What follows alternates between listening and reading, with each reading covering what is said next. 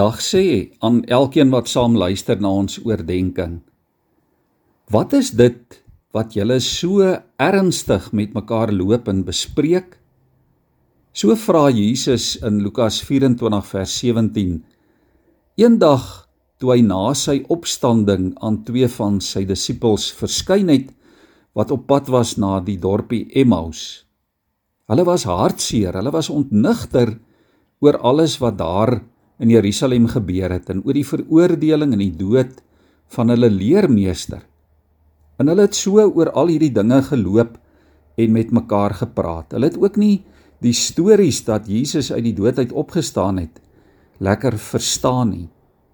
En toe kom Jesus nader en hy kom stap so saam met hulle. En toe vra hy vir hulle: "Wat bespreek julle so diep en ernstig?" En dan begin hulle sommer alles uitpak wat in hulle harte is. Dit wat hulle so pla en waaroor hulle wonder en wat hulle so te neergedruk in depressief maak.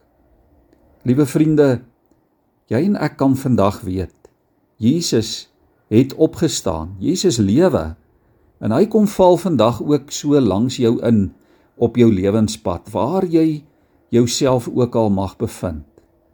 En die Here wil graag weet waaroor jy praat, waaroor jy dink, wat in jou hart is, waaroor jy dalk kla, waaroor jy moontlik bekommerd is, wat jy nie verstaan nie, die dinge wat nie vir jou sin maak nie.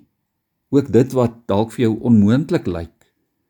Jy kan ook soos die Emmausgangers jou hart uitpak en uitpraat teenoor Jesus en dan kom hy en hy kom maak ook die skrif vir jou oop en hy laat sy woord vir jou lewe kry.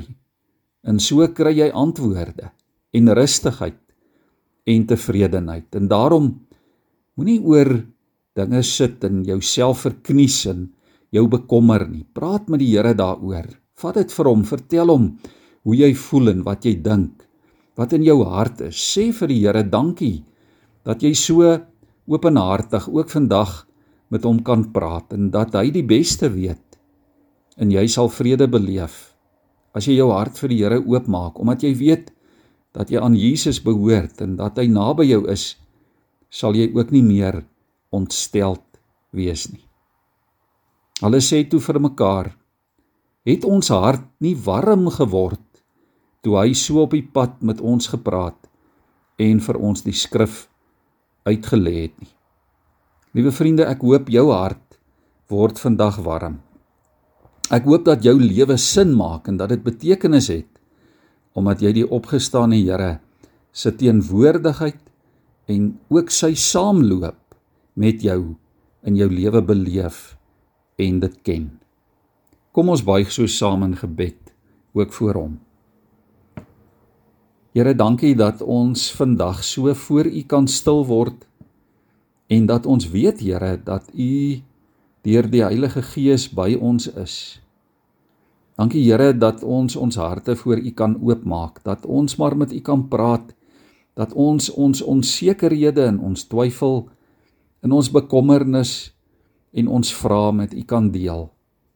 Dankie Here dat U U woord vir ons uitlê, dat U vir ons mooi verduidelik Here wat U plan is en waarheen U op pad is en wat U doel en wat U wil vir ons lewe is. Ja Here, U wil ons nie in die duister laat nie. U wil nie hê daar moet vraagtekens in ons lewens wees nie. U wil self die antwoord en die uitroepteken vir ons wees. Here, ons gebed vandag is dat U die stille luisteraar, die skaduwee aan ons regterhand sal wees, die een wat tree vir tree by ons en saam met ons loop. Here gee dat elkeen wat na hierdie boodskap luister, ook u teenwoordigheid sal beleef. Here dat daar niemand sal wees wat alleen of afgeskeep of verlaat of eensaam sal voel nie. Ons is nooit alleen nie, Here. U is by ons. Ons kan maar net ons hande uitsteek. Ons kan maar net uitroep. Ons kan maar net u naam prewel. En u is by ons. Dankie daarvoor. Ons bid dit in Jesus se naam. Amen.